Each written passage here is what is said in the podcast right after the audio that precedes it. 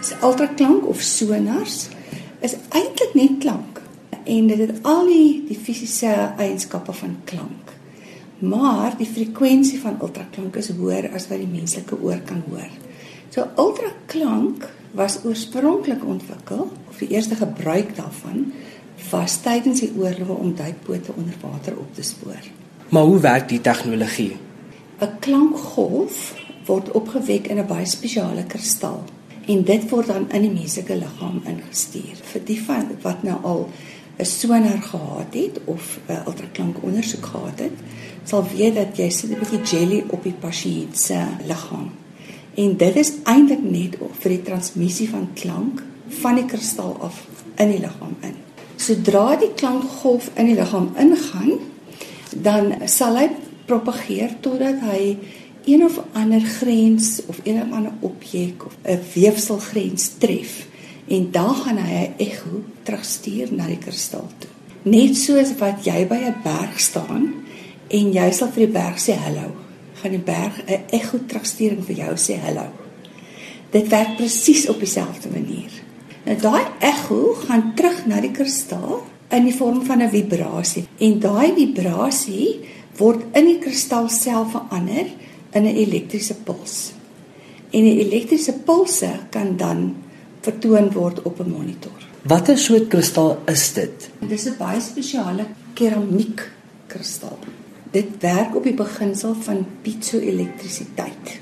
En dit is ontdek deur die Curies wat ook baie met radiasie geëksperimenteer het. Pierre en Marie Curie. Nou piezoelektrisiteit werk op die beginsel dat as jy 'n elektriese puls instuur in die kristal, dan verander ek elektrisiteit in meganiese energie. So elektriese energie verander in meganiese energie wat 'n vibrasie is.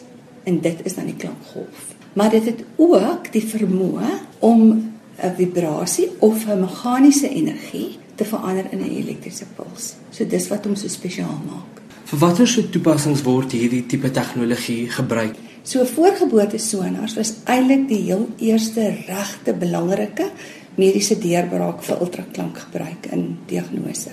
Aanvanklik het mense gedink dit is die enigste ding waarvoor ultraklank hmm. goed is, ja. waarvoor dit kan gebruik word. Maar na dit het daar soveel wonderlike gebruike uitgekom. Vandag gebruik ons dit om enige orgaan in die in die buik of in die pelvis mee te verbeeld.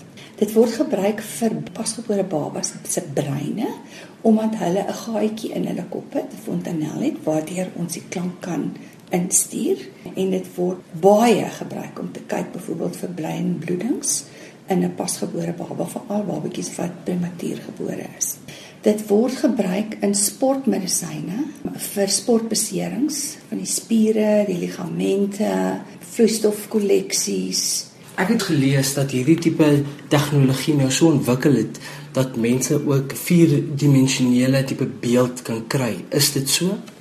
Dit is verseker die waarheid. Die tegnologie ontwikkel teen 'n verskriklike snelle spoed. Hoe driedimensionele beelde werk is, um, hulle maak eers 'n klomp individuele snitte van 'n hele volume van die menslike weefsel.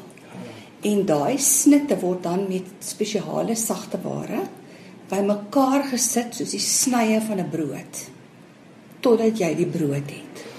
Totdat jy die hele volume weefsel het waaraan hulle ook 'n diepte dimensie gee.